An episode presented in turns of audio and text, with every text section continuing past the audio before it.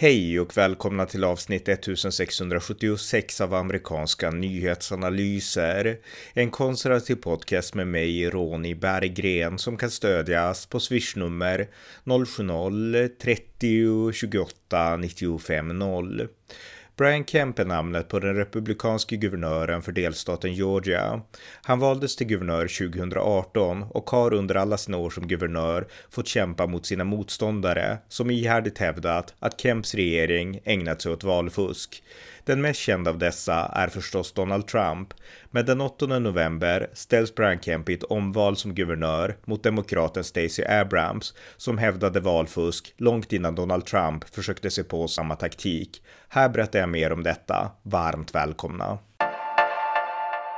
Ja, jag tänkte i det här poddavsnittet berätta lite om den spännande debatten om valfusk i USA och hur partier och politiker använder sig av verktyget att anklaga motståndarsidan för valfusk när man själv förlorar. Och det främsta fokus för detta och för den här diskussionen, det är såklart Donald Trump oftast. Det är han som diskuteras i media av förståeliga skäl därför att han gjorde en sån enorm sak av det här i presidentvalet 2020 när han förlorade mot Joe Biden. Och han erkänner ju fortfarande inte att han förlorade. Men Donald Trump är inte ensam om att ha använt den här metoden. Eh, jag satt ju i tv-sofforna ganska mycket där 2020 och kommenterade presidentvalet och eh, jag betonade alltid två saker eh, efter valet då. Dels betonade att Donald Trump hade alla rättigheter i världen att överklaga och liksom ja, undersöka och granska, men att eh, han skulle få fel. Eh, han hade inte vunnit valet eh, och att hans anklagelser var felaktiga. Det betonade jag. Jag betonade också dock att den här taktiken med att överklaga och gnälla och försöka liksom förhala så mycket som möjligt.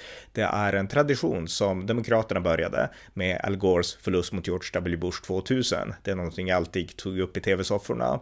Eh, därefter så var jag också väldigt kritisk då såklart till den 6 januari, upploppen, stormningen av Kapitolium, där jag i tv-sofforna sa att eh, det här är ytterst en konsekvens av Donald Trumps ansvarslösa retorik och att han driver sina konspirationsteorier om valfusk. Och jag skrev också den 10 januari 2021, alltså bara några dagar efter stormningen av Kapitolium, en lång debunkning av Donald Trumps valfuskteorier, där han då anklagade Demokraterna för att ha riggat valet. Och den artikeln, för er som inte har läst den, den heter Sagan om kraken, Trumps valfuskteorier nedbunkade och den finns på min bloggsajt roni.se. Så att det är lite bakgrund till ämnet. Eh, men det är ju så här att det är inte bara republikanerna, eller det är inte bara Donald Trump ska man säga, som har använt den här metoden med att anklaga sin motståndare för valfusk när han själv förlorar, utan det är demokraterna som sagt. Och i det här avsnittet så ska jag fokusera på en person som har gjort det här och det är demokraten Stacey Abrams. Hon är en svart kvinna från Georgia som nu ställer upp i guvernörsvalet i delstaten där hon utmanar den sittande republikanska guvernören Brian Kemp. Och eh, jag ska backa fyra år tidigare, för det var så här att eh, Stacey Abrams ställde nämligen upp även i guvernörsvalet 2018 för fyra år sedan då också mot Brian Kemp. Då var han inte en sittande guvernör utan han var Secretary of State i Georgia och eh, de två var nya guvernörskandidater båda två då, Stacey Abrams och Brian Kemp. Och eh, de fightades på guvernörskandidatsarenan och eh, jag ska berätta lite om det nu i det här avsnittet och sen så får ni följa med på berättelsen om valfuskteorier och liknande. Så att vi kör igång med guvernörsvalet i Georgia 2018. 2018 så var det alltså guvernörsval i delstaten Georgia i USA och eh, det var två kandidater som stod mot varandra. Dels republikanen Brian Kemp Eh, Brian Kemp, han var uppväxt i Georgia och han var en, ett barn till en politisk familj och han hade många politiska släktingar även längre bak i led och han hade också en ganska lång politisk karriär bakom sig i Georgia. Dels så hade han varit delstatssenator i Georgia mellan 2003 och 2007 och sen så hade han varit Secretary of State i Georgia mellan 2010 och 2018 när han då kandiderade till guvernör. Så det var den republikanska kandidaten. Hans motkandidat, det var en demokrat, en svart kvinna vid namn Stacey Abrams. Eh, Stacey Abrams, hon hade kommit till Georgia som 17-åring 1989. Hennes pappa var predikant, kom från Mississippi och eh, hon blev också politiskt engagerad i relativt ung ålder. Ehm, 2002 så var hon 29 år gammal och då blev hon biträdande statsåklagare i Georgias huvudstad Atlanta. Eh, 2007 så blev Stacey Abrams invald i Georgias representanthus eh, där de tjänstgjorde i 10 år till 2017 och mellan 2011 och 2017 så var hon också Demokraternas minoritetsledare i Georgias representanthus och hon var alltså Demokraternas kandidat i guvernörsvalet 2018.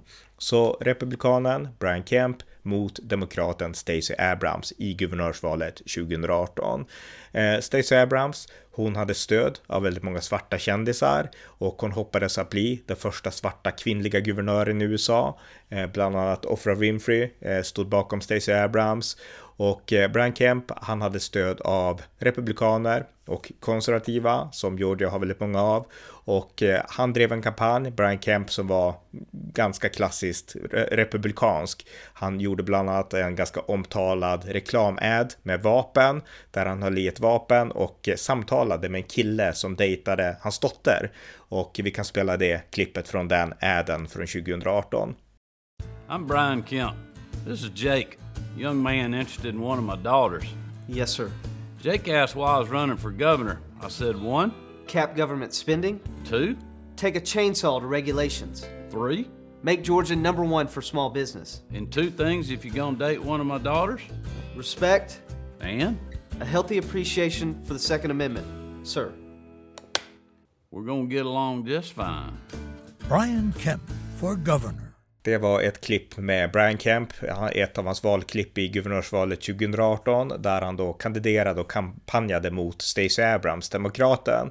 Och eh, valdagen, det var den 6 november 2018 och på kvällen där så stod det ganska tydligt att eh, eh, Brian Kemp hade vunnit med ett antal tusen röster. Eh, procentuellt så vann Brian Kemp med 52 eller med 50,2 procent mot eh, 48,8 procent för Stacey Abrams och Brian Kemp fick ungefär drygt 50 000 röster mer än Stacey Abrams i delstaten Georgia i, i guvernörsvalet 2018. Och eh, det kunde ha slutat där. Det hade inte behövt bli så mycket mer komplicerat än så. Men eh, på kvällen den 6 november 2018 så vägrade Stacey Abram att säga eller att erkänna att hon verkligen hade förlorat.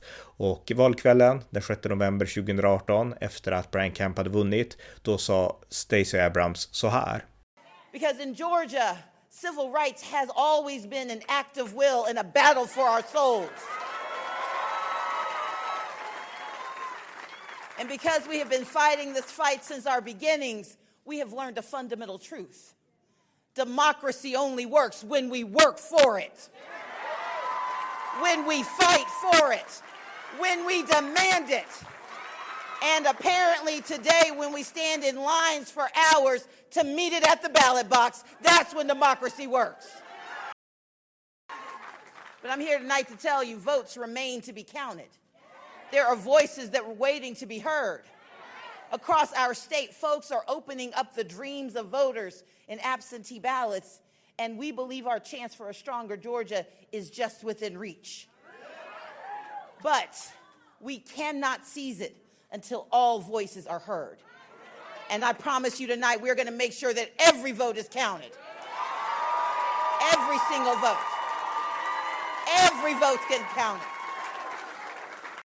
Every Georgian that we have touched along the way understands the power of the vote.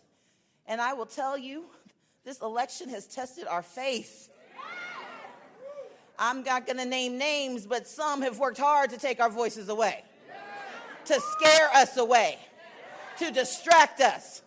But if our vision is clear and we see the finish line, then when we put our faith in the great people of the state, there is nothing we can't accomplish together.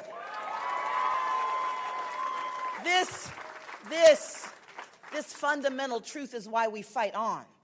Because Georgia still has a decision to make a decision between division and trickery. Or a leadership that defends your rights, your kids, your career, your community, and your right to vote in America. Because this is not about me, it's about us. It's about our voices. Say our voices. It's about our votes. Say our votes. It's about our time. Say our time. Our voices. Our votes. Our time. Because we are Georgia. Say it with We are Georgia. We are Georgia. Say it with me. Say we are Georgia. We are Georgia. We are Georgia. So let's get it done. Thank you so much. Så Stacey Abrams, hon ville fortsätta räkna röster och hon ville inte erkänna sig besegrad riktigt. Eh, och eh, det var så att rösterna räknades och det blev granskningar och liknande och hennes klagomål togs på allvar. Men den 16 november så erkände hon då halvt åtminstone. Inte att hon hade förlorat, men att Brian Kemp ändå hade vunnit oavsett liksom om systemet var rasistiskt och eh, dysfunktionellt. Han hade vunnit, men hon var ändå inte nöjd och hon sa så här den 16 november när det alltså hade gått tio dagar efter valet och eh, eh hon ändå inte hade liksom helt erkänt sig besegrad. Men den 16 november 2018 sa Stacey Abrams ändå så här. On September 18th, thousands of Georgians began casting absentee ballots. Determined to lift their voices in the democratic process of electing our leaders for the next two years, the next four years. However, this year, more than 200 years into Georgia's democratic experiment, the state failed its voters. You see, despite a record high population in Georgia, more than a million citizens found their names stripped from the rolls by the Secretary of State, including a 92 year old civil rights activist who had cast her ballot in the same neighborhood since 1968. Tens of thousands hung in limbo, rejected due to human error and a system of suppression that had already proven its bias. The remedy, they were told, was simply to show up only they, like thousands of others, found polling places shut down, understaffed, ill equipped, or simply unable to serve its basic function for lack of a power cord. Students drove hours to hometowns to cast votes because mismanagement prevented absentee ballots from arriving on time. Parents stood in the fitful rain in four hour lines, watching as less fortunate voters had to abandon democracy in favor of keeping their jobs and collecting a paycheck eligible voters were refused ballots because poll workers didn't think they had enough paper to go around. Ballots were rejected by the handwriting police. Citizens tried to exercise their constitutional rights and were still denied the ability to elect their leaders. Under the watch of the now former Secretary of State, democracy failed Georgia. Georgians of every political party, every race, every region, again. But we are a mighty nation because embedded in our national experiment is the chance to fix what is broken, to call out what has faltered, to demand fairness wherever it can be found. Which is why on election night, I declare that our fight to count every vote is not about me. It is about us.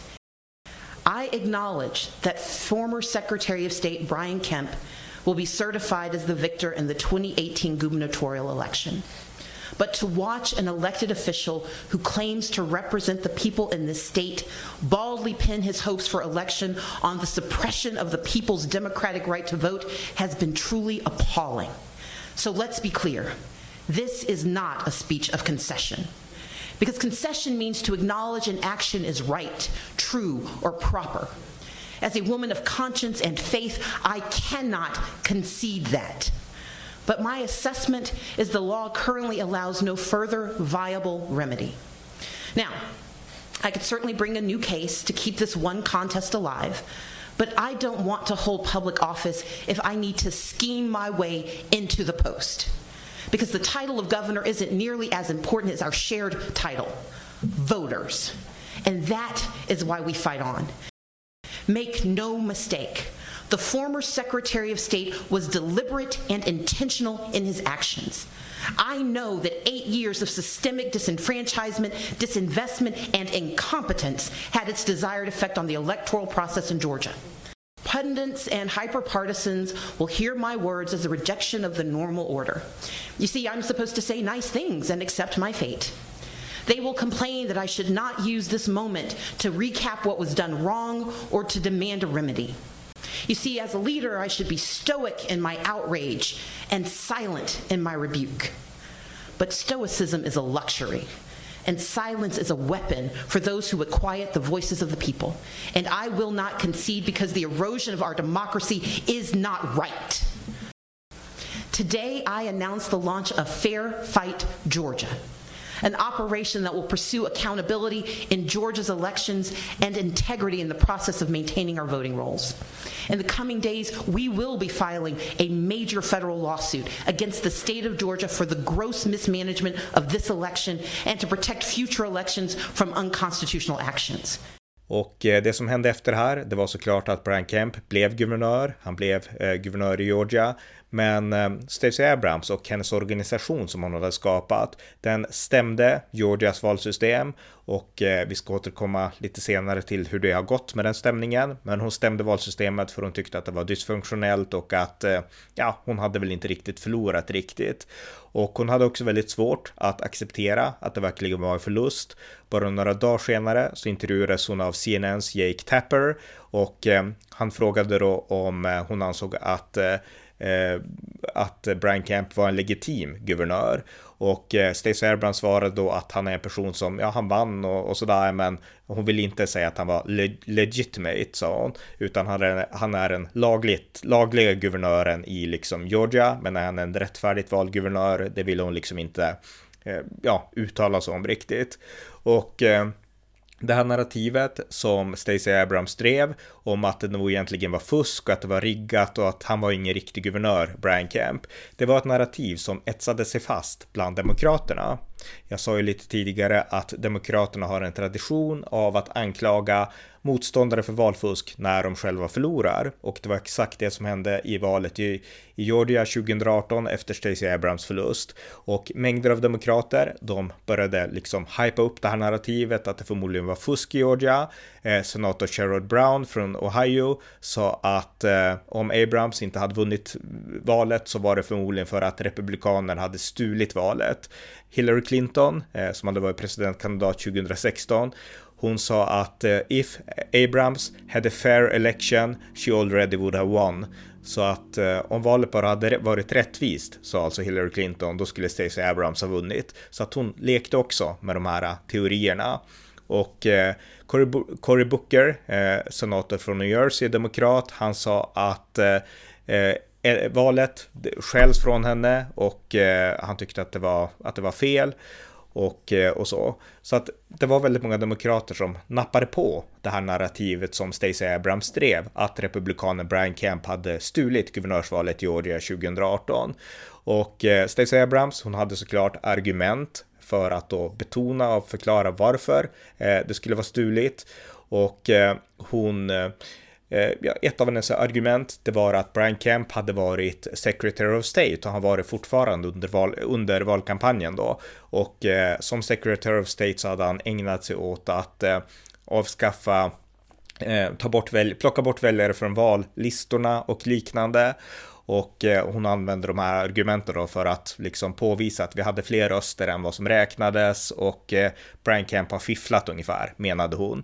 Och de här äh, klagomålen, de debunkades i princip direkt när de kom ut. Det kom ut ganska många artiklar som ja, granskade eh, Stacey Abrams påståenden och kom fram till att det här är valtaktik från hennes sida och det är ett sätt att liksom övertala hennes eh, anhängare, men det är inte objektivt korrekt. Och Washington Examiner hade en artikel eh, redan i november 2018 där man debunkade Stacey Abrams klagomål och man förklarade då att Eh, Eh, att eh, förvisso så är det så att, eh, eh, att Brian Kemp som Secretary of State har plockat bort människor från vallistorna och det beror på en lag som infördes 1997 av den demokratiska guvernören Sel Miller och den handlade om att om man inte röstar regelbundet då plockar man bort från vallistorna och måste registreras igen om man vill rösta på nytt. Så att det här var inte något påhitt av Brian Kemp utan han följde bara den lag som en demokratisk guvernör hade infört i ett tidigare skede,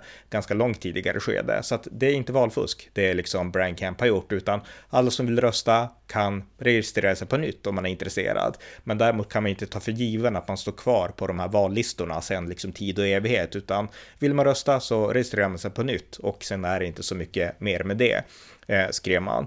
Eh, man tog också upp de andra argumenten om att 214 olika valstationer hade stängts ner sedan 2012 och eh, man kan också konstatera att så var det, men det hade Brian Kemp ingenting med att göra, utan det är enskilda val eh, eh counties som hanterar de besluten av lite olika anledningar. Och eh, ett annat argument som Stacey Abrams hade drivit på, det var att eh, det var vissa valmaskiner som inte hade fungerat för att de hade varit utan ström. Och eh, den här artikeln konstaterar att Republikanerna har inte gått, det var så att vissa valmaskiner hade haft, varit strömlösa, men det berodde inte på att Republikanerna hade gått och dragit ut kontakterna, utan det var misstag och det hade gjort att det dröjde lite grann för vissa att rösta, men sen så funkade det precis som det skulle.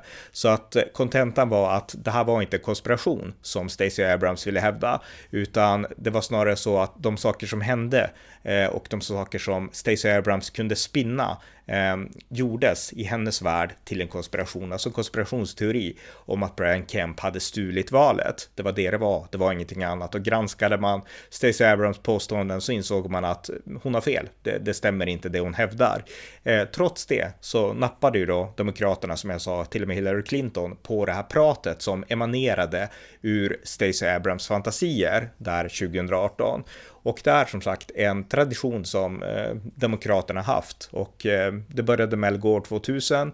Jag har också skrivit en bok om det, George W. Bush och det amerikanska presidentvalet år 2000. Det går in på de olika anklagelserna som Al Gore riktade och jag minns att jag såg ett uttalande med honom för alltså 20 år sedan nu minst, eller inte 18 då om man säger så, där han då förklarade att uh, they stole the election, pratade han om, om valet 2000.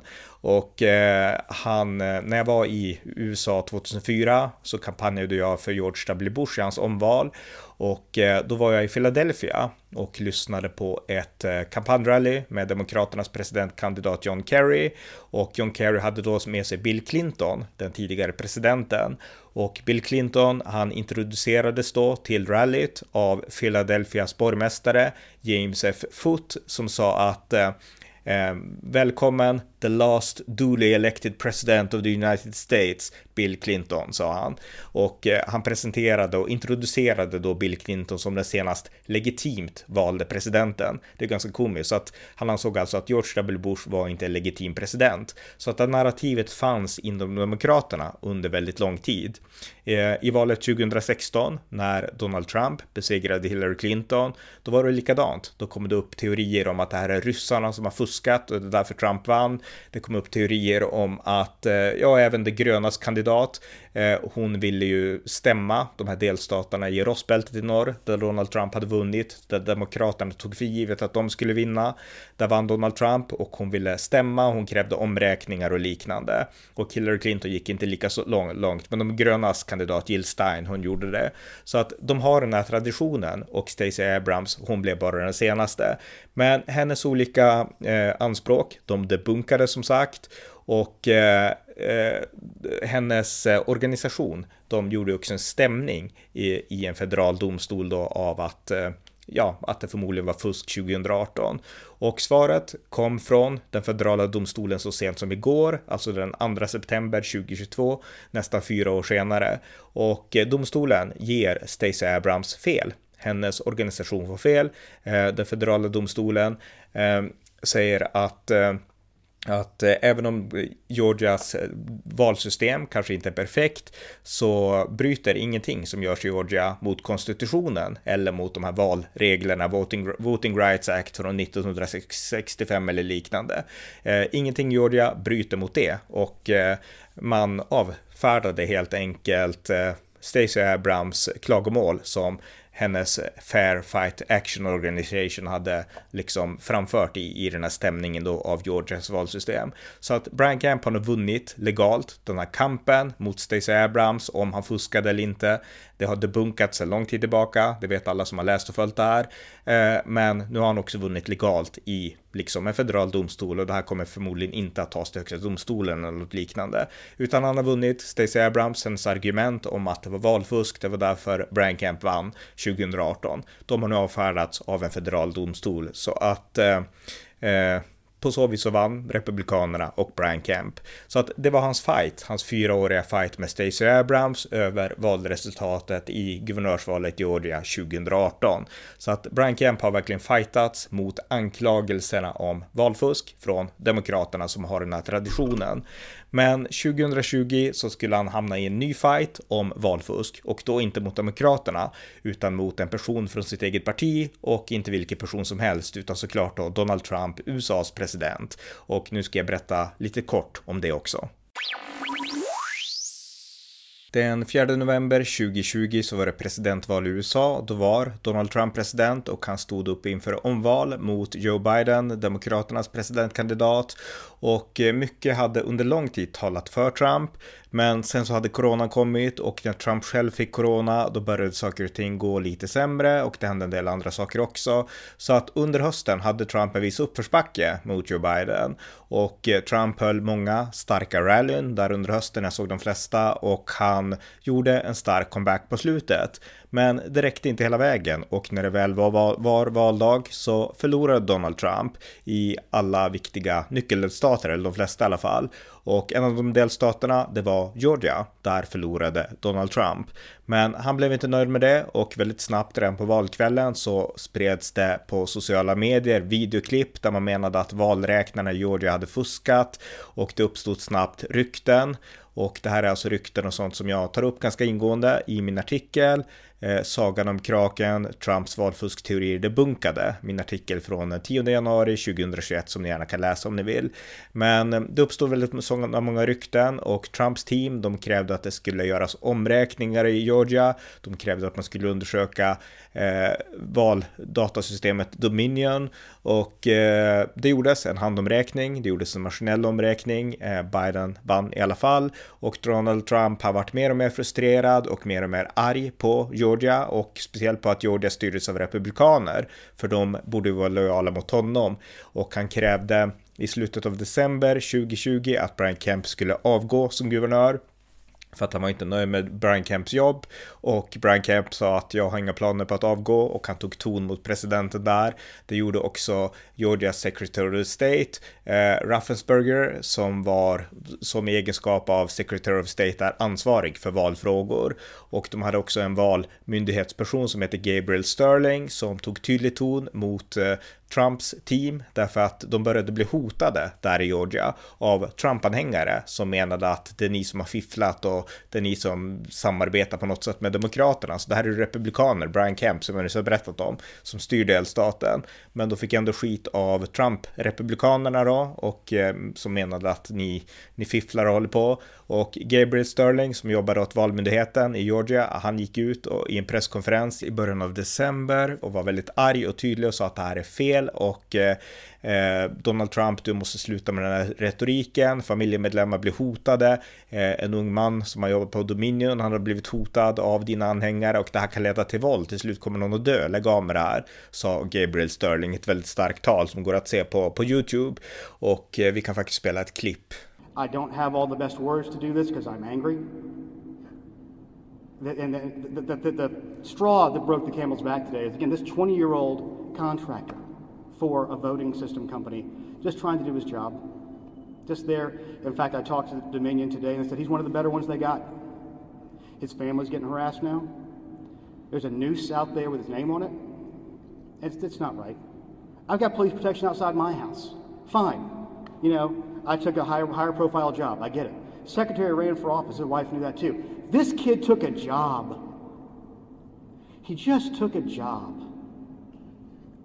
And it's just wrong. I can't begin to explain the level of anger I have right now over this.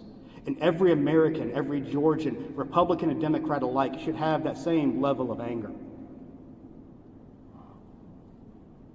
Mr. President, it looks like you likely lost the state of Georgia. We're investigating. There's always a possibility. I get it. And you have the rights to go through the courts.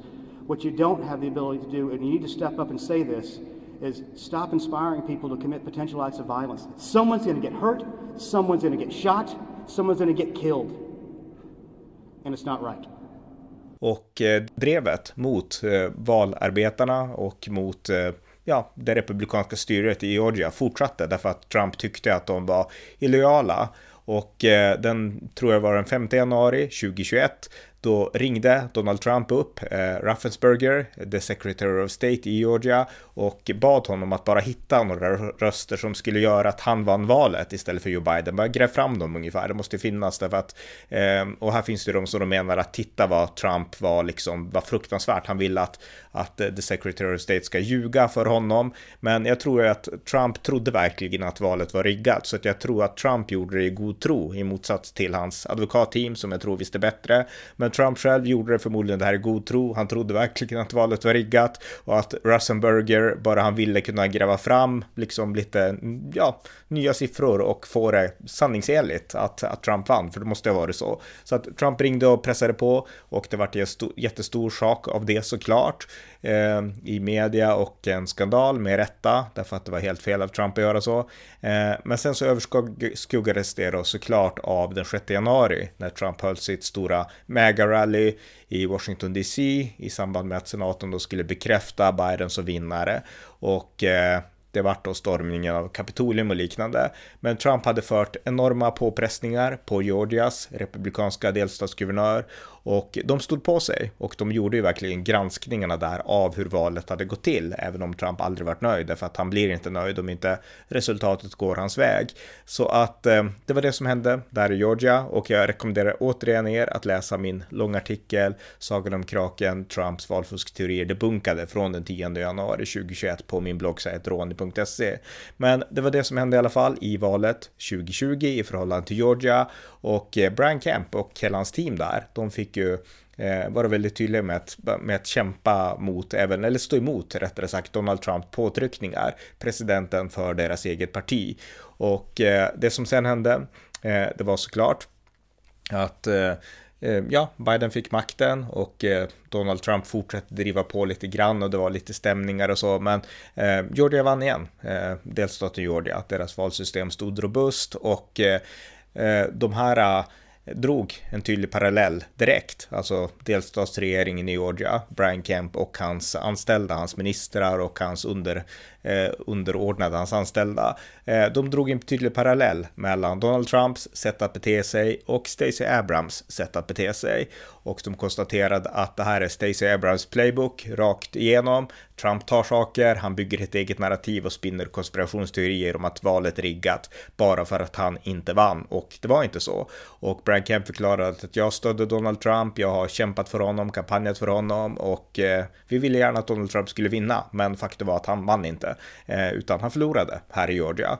Det var, eh, det var så det låg till helt enkelt och nu borde Donald Trump rikta fokus på fyllnadsvalet, specialvalet vi har här, här i Georgia till senaten. Det är extremt viktigt att våra senatorer vinner och Trump borde vara fokuserad på det istället för att hålla på och älta ett val som han har förlorat och vi kan inte göra något åt det utan vi måste ju säga sanningen. Eh, det var det budskapet som republikanerna under Brian Kemp i Georgia hade mot Donald Trump. Men Donald Trump ville inte lyssna och eh, sen kom 6 januari och allt det här andra då. Men det här har också gjort just att Donald Trump tog det här tio steg längre än Stacey Abrams. För det är ett faktum, jag menar jag sa ju att det fanns en tradition inom Demokraterna att göra så här från Al Gore till Stacey Abrams om man avslutade där för eh, ja, för enkelhetens skull.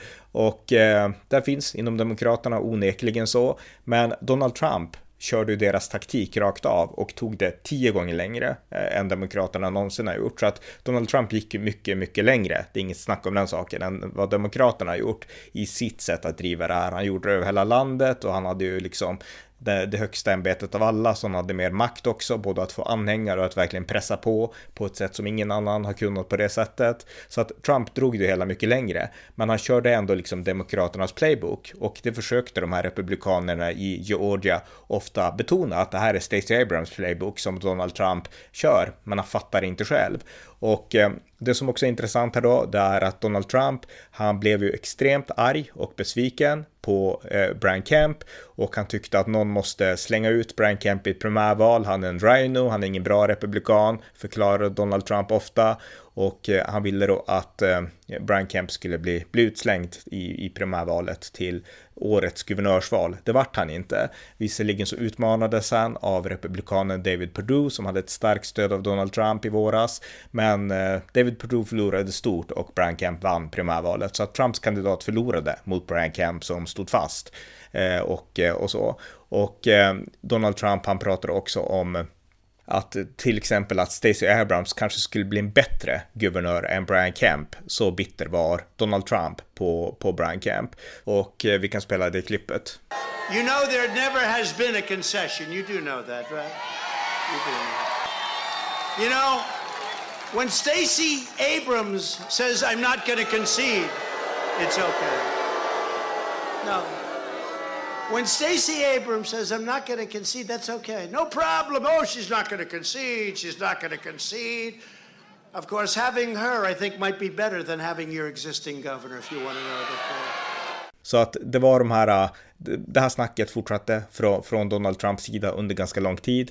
Men Brian Kemp har stått på sig och nu är det ett nytt val, ett nytt guvernörsval, eh, nu i november, 8 november och då är det återigen Brian Kemp mot Stacey Abrams. Och det ska sägas att Stacey Abrams, sen Donald Trump satte liksom hennes metoder på liksom, eh, ja, superspeed så att säga, så har hon lite själv tagit avstånd från hennes radikalism 2018 och hon har försökt distansera sig och säga att nej men jag, jag var inte alls som Trump och sådär. Och det gäller även Al Gore och egentligen alla som tidigare alltid hävdade valfusk, valfusk så fort de förlorade. De har ju taggat ner nu ganska rejält efter Donald Trumps liksom enorma eskapader i det här territoriet då. Så att nu försöker de backa lite grann och det gäller även Stacey Abrams och jag tror inte att hon kommer att hävda att det var valfusk om hon skulle förlora nu igen den 8 november nu i år mot Brian Kemp, vilket är sannolikt.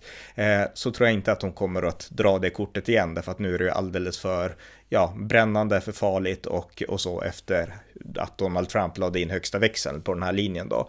Men när man pratar om att eh, det gäller att vara försiktig med retoriken, att saker kan spåra ur, då är det ofta att man pratar om att eh, republikanerna måste vara försiktiga med sin retorik eller konservativa måste vara det.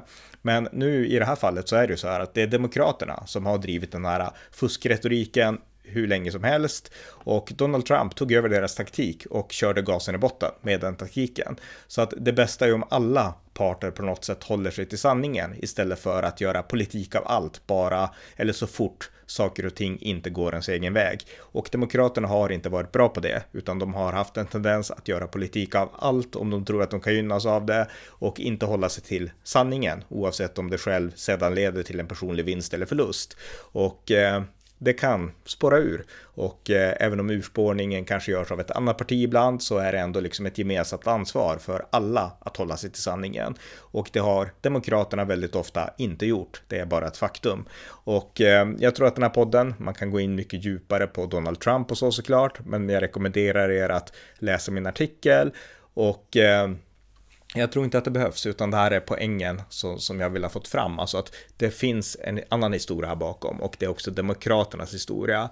Det förmildrar inte, liksom Donald Trumps, att han, att han skenade iväg på det sätt han gjorde och att han har drivit och fortfarande driver de här valkonspirationsteorierna.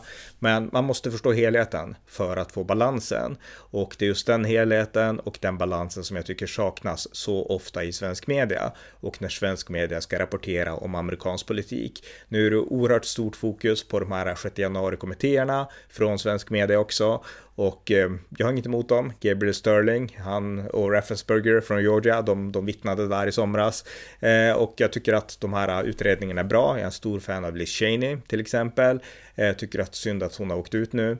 Men eh, man måste ändå ha balansen och inse att det här började med Demokraterna. Och det är det som svensk media aldrig haft, utan det här blir man intresserad, intresserad av först när Republikanerna kör gasen i botten på det här spåret. När Demokraterna gjorde samma sak, då brydde man sig inte, eller så trodde man kanske till och med på Demokraterna.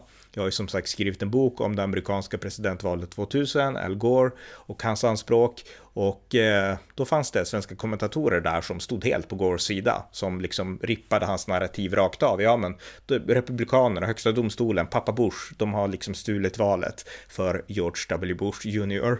Och eh, det här är, ja, man kan inte ha det så, utan även media måste följa sanningen och se eh, och rapportera om när en part har rätt och när en part har fel oavsett vilken sida den parten står på. Alltså en objektiv media är det av högsta vikt. Och jag tycker inte vi har det. Och jag tycker att det här äh, som jag nu har berättat är ett exempel på det. Därför ni har hört väldigt ofta om vad Trump har gjort, men ni har förmodligen inte hört lika ofta i svensk media om vad Demokraterna under åren har gjort. Så att min önskan med den här podden är att ge lite balans och även ge lite cred till Republikanerna i Georgia som jag tycker har visat enormt stor karaktär i hela den här fighten, dels mot Demokraterna men också mot Donald Trump och hela hans megarörelse som vill utmåla dem, utmåla dem som rhinos och liknande.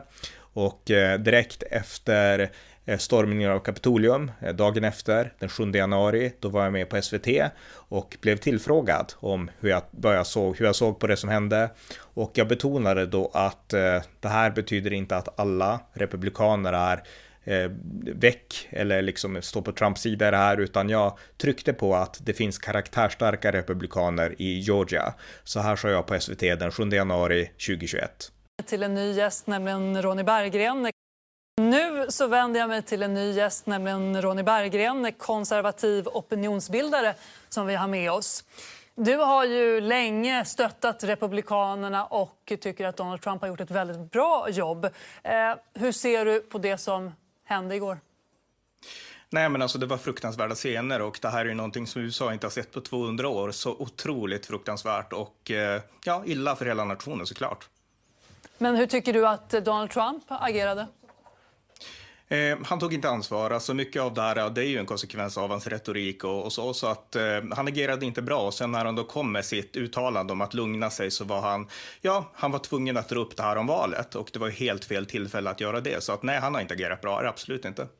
Eh, många menar ju ändå att det här var ju inte oväntat. Det här är vad Donald Trump står för. Han har manat till protester, demonstrationer. Håller du med om det? Eh, nej, Donald Trump står inte för våld. Alltså, det här är en konsekvens såklart av hans retorik och han är ytterst ansvarig, så är det ju. Men det är inte något han har manat aktivt till. Men ytterst ansvarig är han. Han är president och han har, ja, det är han som har ansvaret att tänka över vad som kan hända och vad som kan bli konsekvenserna av hans ord. Och det har han inte gjort. Så att, men direkt ansvarig för våldet är han ju inte. Nej, det händer mycket inom det republikanska partiet just nu som vi har pratat om i sändningen. Eh, hur påverkas republikanerna Ehm, jag tror på kort sikt så kommer det påverkas väldigt illa. Det har vi sett redan nu och eh, vi har sett människor som hoppar av Trumps administration och eh, Lindsey Graham som nu spelade där tog avstånd. Men på sikt så tror jag att det republikanska partiet kommer att resa sig igen. Jag menar, vi ska komma ihåg nu att många av de här rösterna som har tagit ton mot Donald Trump, vi har Gabriel Sterling i Georgia och väldigt många andra som har sagt att du har fel om valet, de är republikaner. Så att liksom Trumps främsta kritiker, det är väldigt karaktärstarka republikaner och vi har ju Mike Pence också som är ett väldigt tydligt exempel som aktivt sa att nej, jag måste följa konstitutionen och bekräfta segraren. Då. Mm. Tack så mycket Ronny Berggren för att du var med oss i den här och eh, ja, eh, återigen, alltså Republikanerna i Georgia har visat stor karaktär och därför hoppas jag verkligen att Brian Kemp vinner återigen över Stacey Abrams i guvernörsvalet den 8 november 2022. Han förtjänar verkligen det. Och skulle Donald Trump bli president igen så tror jag att det är bra att de har rakryggade republikaner i Georgia som kan stå upp både mot demokraterna och mot Donald Trumps megarörelse. Därför att även om Donald Trump gör mycket bra så kan han också snurra iväg åt fel håll ibland. Det har vi bevisligen sett och då är det bra om det finns karaktärstarka, trygga republikaner och det har vi sett att det finns i Georgia. Så att det var det jag ville berätta om i det här avsnittet.